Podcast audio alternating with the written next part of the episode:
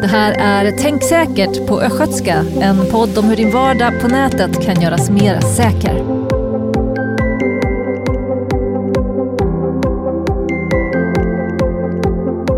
Hej och välkomna till Tänk säkert på östgötska.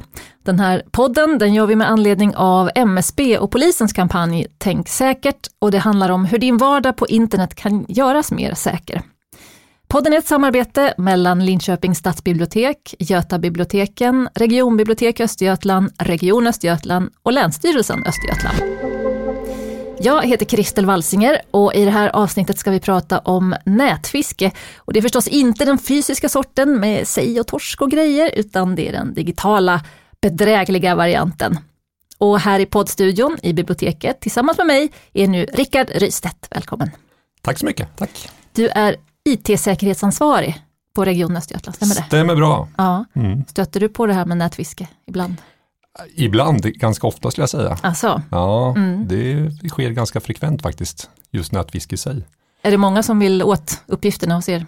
Ja, alltså det, risken finns ju alltid. Mm. Uh, så är det ju, vi är ju ändå en verksamhet med mycket information, så är det så att man måste ju hela tiden vara vaksam. Mm. Drömmer du mardrömmar om, om illa eh, formulerade mejl när folk, folk som vill åt era uppgifter? Nej, inte riktigt på den nivån kanske. Inte riktigt där? Nej. Nej, vad skönt. Ska vi börja med att definiera vad nätfiske faktiskt är för någonting? Ja, alltså nätfiske i sig, det, som du säger, det är ju inte fiskarna vi är ute efter här nu mm. kanske då, men, eh, men e-post framförallt är väl det man tänker på egentligen, du får ditt mejl egentligen. Mm. Eh, men det vi brukar säga egentligen, det är väl en i definitionen av de här termerna, social engineering pratar vi om, socialt ingenjörskap. Man mm. försöker lura dig som användare. Mm. Antingen att få ut information eller klicka på en länk för att i sin tur få ut informationen. Mm.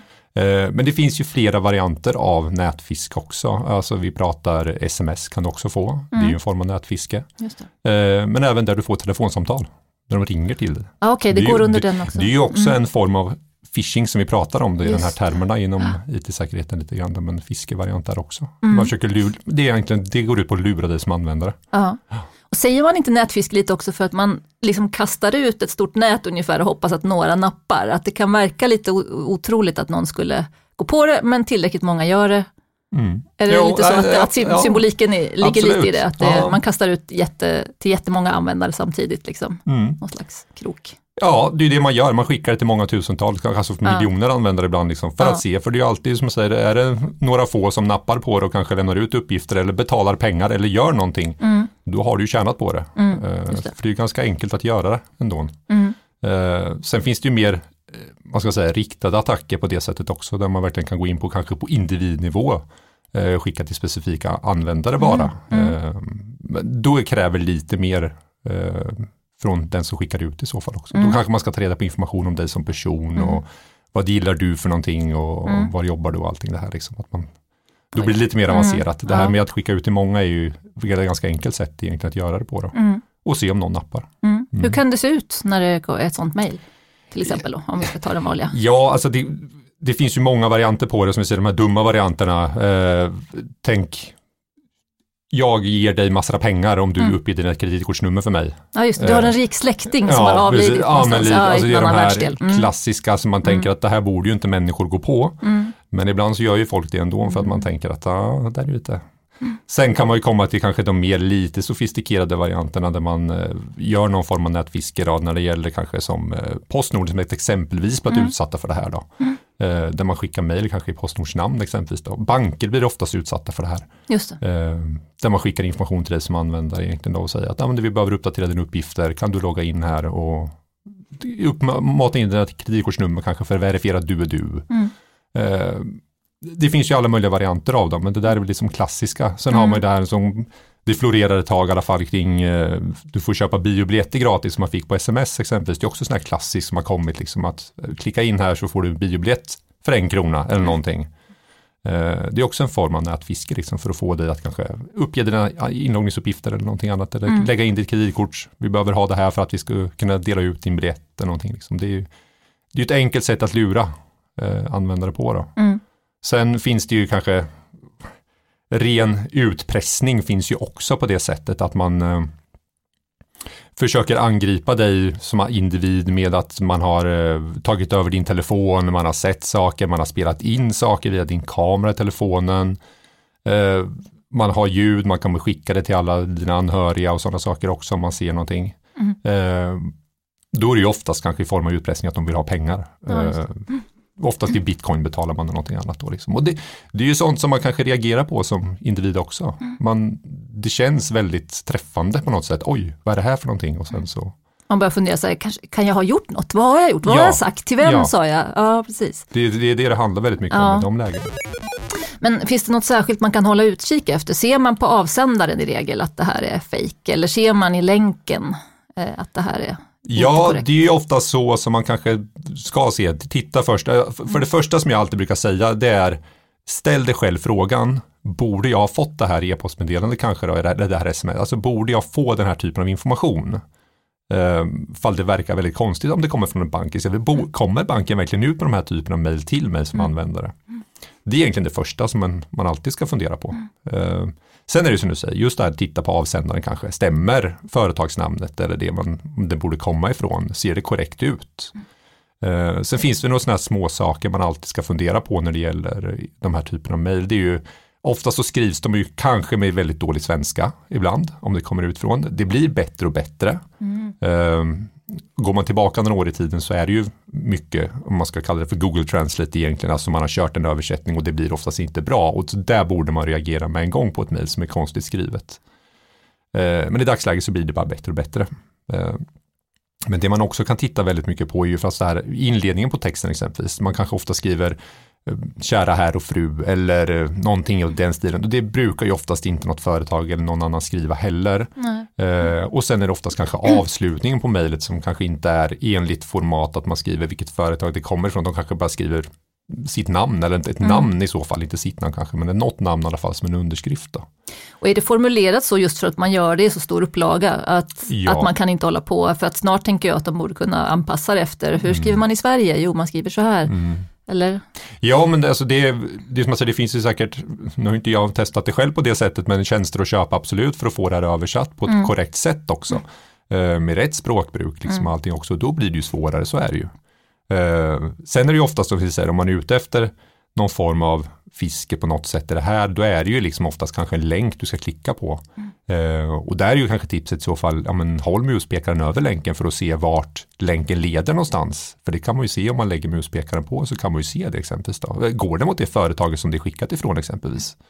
Eh, det är lite sådana saker som mm. man kan ta som konkret, liksom att men var framförallt uppmärksam, ska jag fått det här? Vad är det för något överhuvudtaget? Det är ju så att banker som exempel, de kommer ju aldrig begära att du ska skriva i dina kreditkortsuppgifter på nätet någonstans eller begära ditt användarnamn och lösenord eller någonting sånt heller. Det är ju personligt för dig. Mm. Så att eh, det är väl de tips jag kan ge. Liksom, mm. sånt. Mm. Finns det några förebyggande åtgärder för att överhuvudtaget inte få de här mejlen och, och förfrågningarna?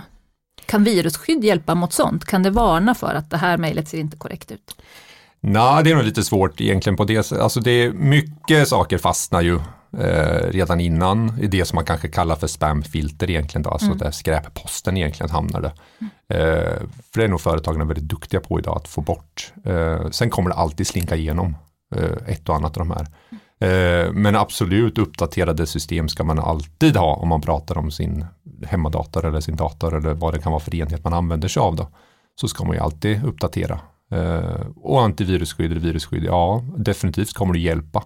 Så är det ju. Om det är så att vi pratar att det är någon form av skadlig kod och det är det ju virus eller andra sådana saker vi pratar om som kanske installeras eller görs någonting på din enhet. Mm. Eh, oftast i de här fallen så är det kanske inte den skadliga koden som kommer utan det är ju mer att de är ute efter att få information av dig som användare. Eh, antingen som jag säger kreditkortsnummer eller användarlösenord för det är ju en det är ju en stor del, de säljer ju den här informationen vidare eh, mm. oftast mm. för att använda det till andra former av attacker mm. kanske någonting annat. Mm. De samlar ju på sig det här liksom och så är det ju pengar, det är det det handlar om i slutändan. Mm. Mm. Men säg att man nu var lite sådär, eh, tänkte sig inte för, för man hade beställt något och väntade på post från Postnord och så klickar man på den där länken för att mm. man inte hann tänka. Vad ska man göra? Mm. Kan man se att det börjar installeras något i ens dator som spionerar på en eller något sånt? Eller? Ja, just i det fallet kopplat till den Postnord exempelvis, så nej det kan vara nog svårt att se. Det, märk, det märkte du när det väl hade kommit in sen. Mm. Uh, för det var ju här utpressningsprogramvara egentligen. Ah, okay. uh, stängde ner datorn som, ja, som egentligen begärde att du skulle betala pengar. Då. Ja. Uh, men generellt när man klickar på en länk eller gör någonting annat och liksom du har matat in dina uppgifter så är det ju, alltså rekommendationen är ju byt lösenord ja. på de tjänster man använder samma lösenord. Det gör ju folk oftast, mm. använder samma lösenord mm. överallt då. Eh, på många ställen i alla fall. Så det är ju byt lösenord. Är det mm. så att man blir av med kreditkortsinformation så är det ju, ja men kontakta din kortutgivare eller bank liksom och byt kort eller spärra kortet av som byt egentligen då. Mm. Eh, det är ju den sättet man kan göra det på. Nej men jag tycker det, det är ändå allting mm. i grund och botten så är det ju den här var vaksam på informationen man får till sig. Mm. Eh, för jag vet inte, alltså det handlar ju väldigt mycket om att vi har information överallt idag. Vi får den på sociala medier. Eh, vi, det florerar ju data hela tiden och information till oss. Vi får ha den ju överallt. Det är så lätt idag. Och då är det ju den här lilla, kanske lite, att vi är vana vid att klicka på saker. Vi vill läsa information.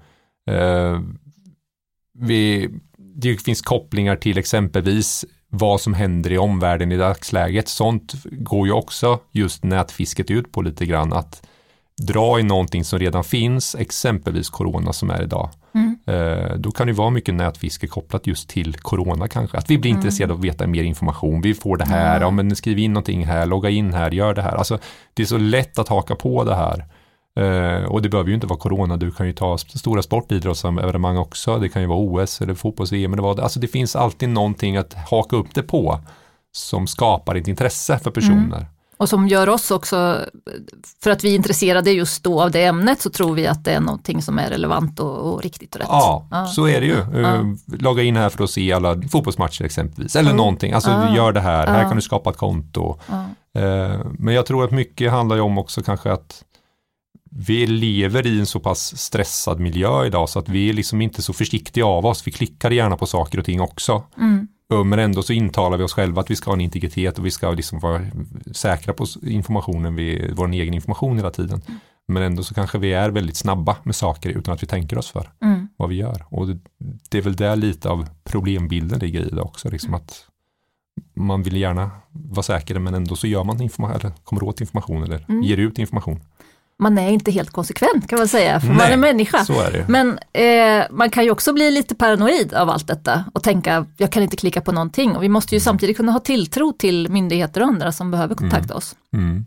Ja men så är det. Och det men det är ju en medvetenhet vi pratar om liksom, och vilken risk tar du själv liksom, med den information du kanske lämnar ifrån dig. Mm. Eh, eller som vi säger med lösenord eller vad det än kan vara. Liksom.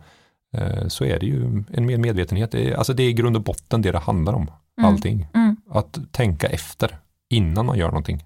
Man skulle ha en liten alarmklocka som ringde varje gång man liksom såg det. Så man bara den här precis, ska du fundera på, liksom, ja, den här som har kommit. Liksom. Inte det, agerar bara på reflex. Liksom. Ja, nej. nej, sen är det väl mm.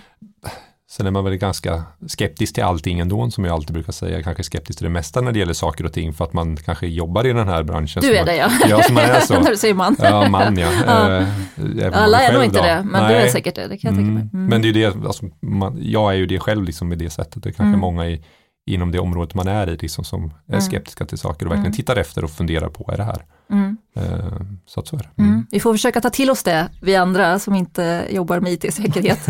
Men tack snälla du för alla dina tips och vi uh, lämnar lite länkar också i den här textboxen som ligger vid avsnittet som man kan läsa vidare om säkerhet. Tack, tack så jättemycket. Tack.